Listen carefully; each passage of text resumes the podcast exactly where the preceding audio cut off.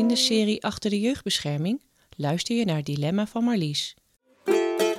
Jeugdbeschermer bij Jeugdbescherming Rotterdam-Rijnmond.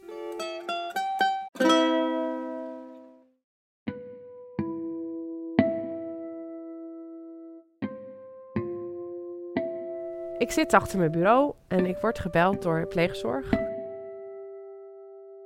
En die doen mij een voorstel voor een uh, perspectiefbiedend pleeggezin voor twee hele jonge kinderen, waar ik al een tijdje voogd over ben.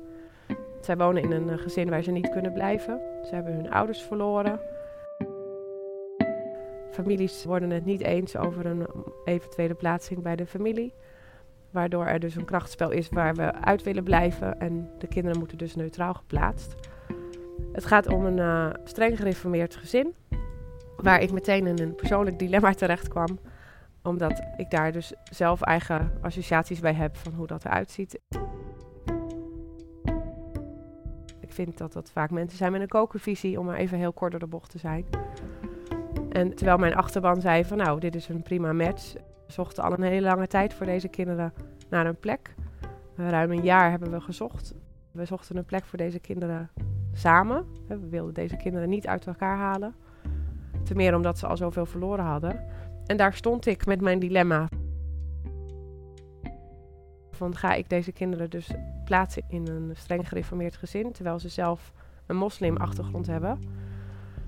En ik kwam daar niet uit. Ik had deze kinderen beloofd, zonder dat hardop tegen hen te zeggen, uh, dat ik goed voor ze wilde zorgen, omdat er geen familie meer was die dat voor ze kon doen.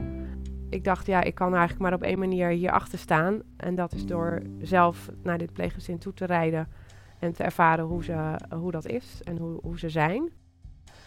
Dat heb ik gedaan. En ik heb deze pleegouders als heel prettig en heel betrokken ervaren.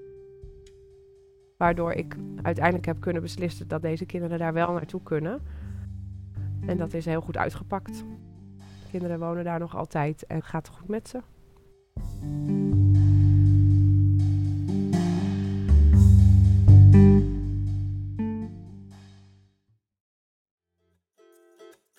Dit verhaal is opgenomen voor de Jeugdbescherming Rotterdam-Rijnmond.